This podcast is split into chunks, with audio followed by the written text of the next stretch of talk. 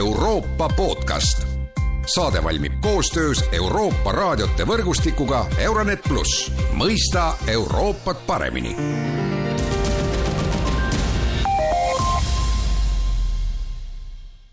tere päevast ja Euroopa podcast alustab.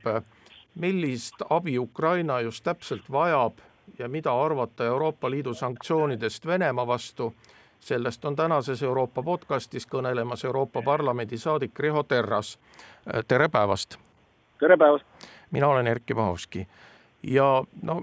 Riho Terras, te tegelikult ju kirjutasite eelmise nädala Postimehes, et Ukraina vajab relvastust ja kohe, et aga võib-olla täpsustaks, et millist relvastust ja ja, ja, ja praeguses staadiumis ka kus täpsemalt? no Euroopa peaks mõtlema selle peale, et Ukraina peab selle sõja võitma. Äh, vastasel juhul on Euroopal äh, pikemaajalisem probleem ja selleks, et sõda võita, on Ukrainal vaja ründerelvastust ja ründerelvastuse all tuleb äh, mõista ta-, lahingtanke, soomukeid, õhutõrjevahendeid erinevate kõrguste jaoks, kaartulevahendeid haubitsatest kuni mitmikraketiheitjateni, aga ka moodsat äh,, rak-, erinevaid moodsaid raketisüsteeme. Euroopa Liit on tegelikult ju või, või õigemini aja, ajakirjanduses on ilmunud ka selliseid arvamusi, et Euroopa Liit surub Ukrainale peale mingisugust diplomaatilist lahendust, noh siin ka Ukraina president Volodõmõr Zelenskõi on viidanud, et justkui Ukraina võiks loobuda taotlemast NATO liikmesust, aga noh, tegelikult te ju praegu ise ütlesite, et ainuke lahendus saab olla see, et Ukraina võidab selle sõja, et ja noh, loogiline on jah, et siis äh, selle jaoks neid ründerelvi on vaja, aga, aga kui nüüd äh, siis tulla sinna Euroopa koridoride juurde, et mis, mis plaan siis praegu Euroopa Liidul on, et kas äh, või, või ka Euroopa Parlamendis, mille liige te olete, et kas, kas räägitakse ikka jätkuvalt sellest diplomaatilisest lahendusest või ollakse veendunud, et Ukraina peab selle sõja võitma ja muud võimalust ei ole? no eks see diplomaatilise lahenduse jutt on juba ka ikkagi äh, mõned nädalad vana. Äh, Ukraina on tõestanud äh, hetkel, kui Vene väed Kiievi ümbrelt ja Põhja-Ukrainast välja tõmbasid ja Ukraina oma territooriumit nii-öelda tagasi vallutas, on Ukraina tõestanud, et nad on võimelised seda sõda võitma ja ei, Ukraina ei lase ennast enam ühtegi Ukraina jaoks ebasoodsasse tehingusse minna, seda enam, et halbu näiteid ajaloost on äh, lehekülgede viisi, võtame kas või Daytoni leping äh, äh, Bosnia-Hertsegoviinas, võtame Minsk lepingud või ka Gruusiaga tehtud lepingud, need kõik on lepingud, mis iseenesest ei tööta, tulemust ei anna, lahendust ei paku. nii et ka Euroopa Liidu liidrid on sellel nädalal, eriti viimastel päevadel,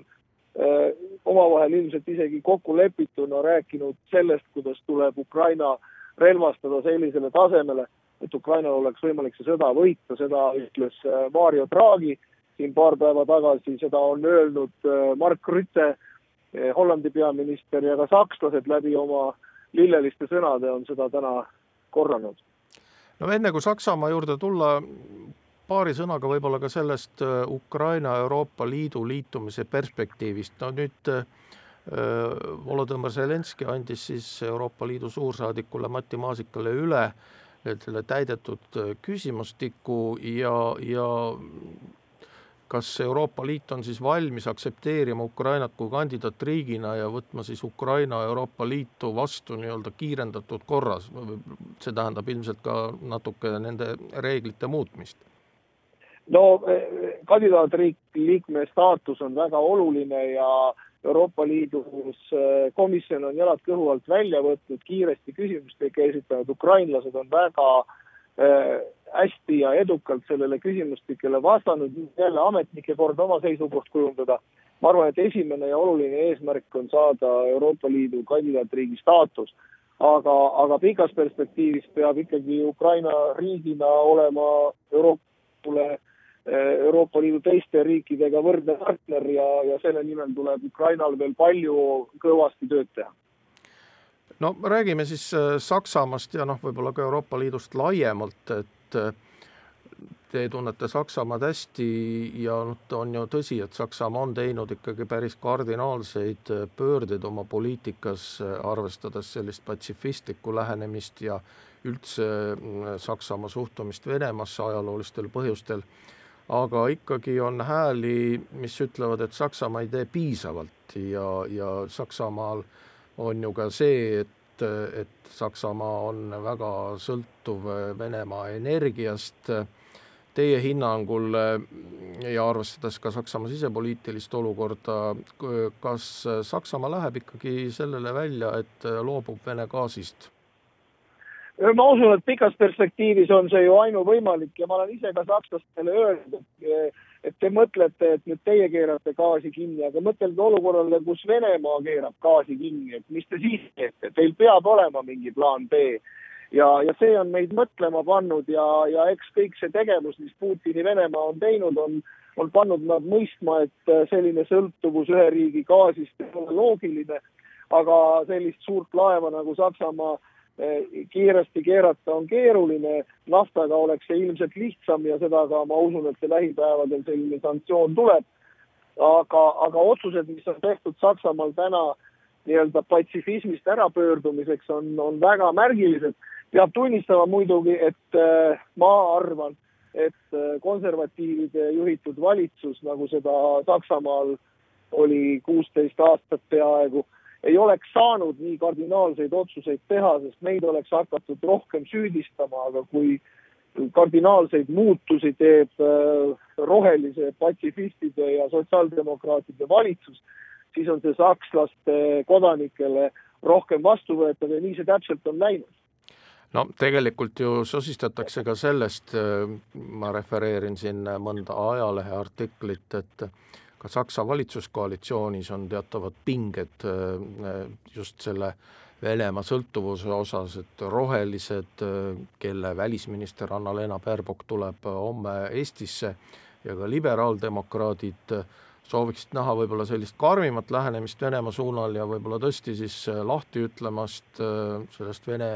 energiakandjatest ja samal ajal siis suurendada ka relvaabi, aga aga siis äh, juhtiv partner koalitsioonis, sotsiaaldemokraadid, äh, ei taha selliseid järske pöördeid teha, noh siin on kindlasti see sotsiaaldemokraatide kauaaegne ostpoliitik ja noh, muidugi ka see, et, et Gerhard Schröder on olnud sotsdemokraat ja, ja omab väga si-, tihedaid sidemeid Moskvaga. kuidas teie sellele vaatate, kas need pinged või, või jutt nendest pingetest seal koalitsiooni sees on ületähtsustatud või üle võimendatud või, või pigem mitte? no koalitsiooni valis-, valitsused teevad otsuseid sellise konsensusega ja, ja, ja seda on näha ka Saksamaal. ma ei ületähtsustaks Schröderi ütleme, mõju tänases Saksa poliitikas enam üldse, ma arvan, et talle on juba aastakümneid tehtud ettepanek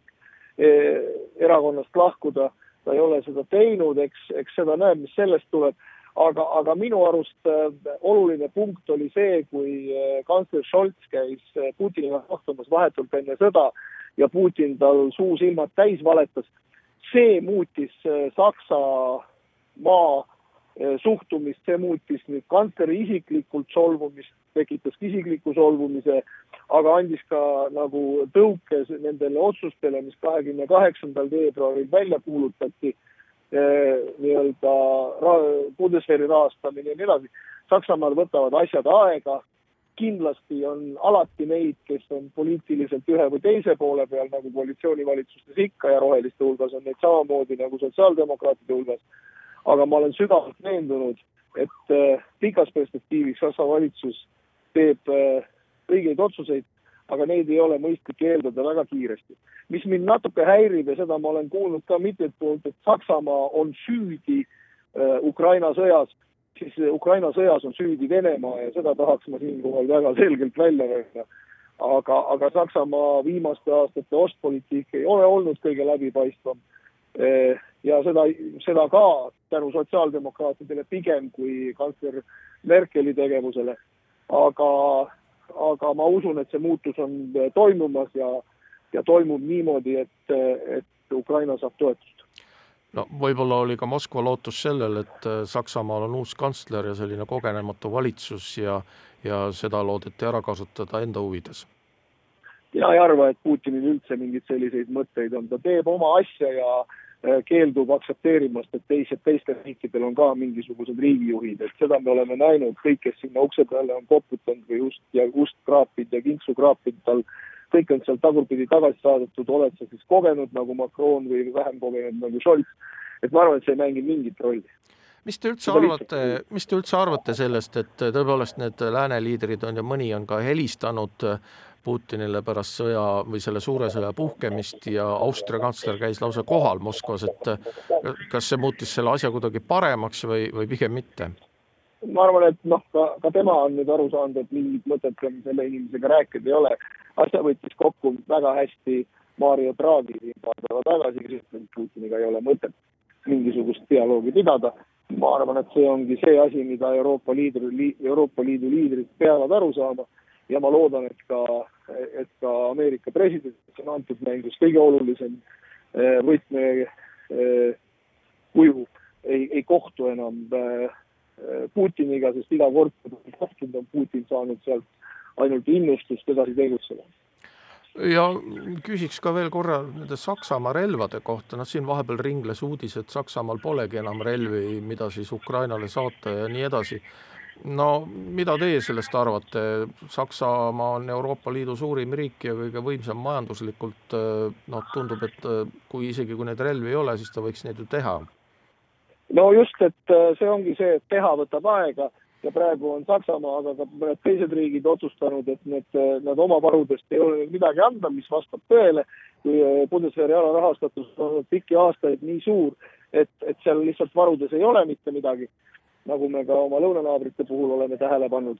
et neil ei ole ka midagi anda. aga, aga ehitamine ja selle finantseerimine on täna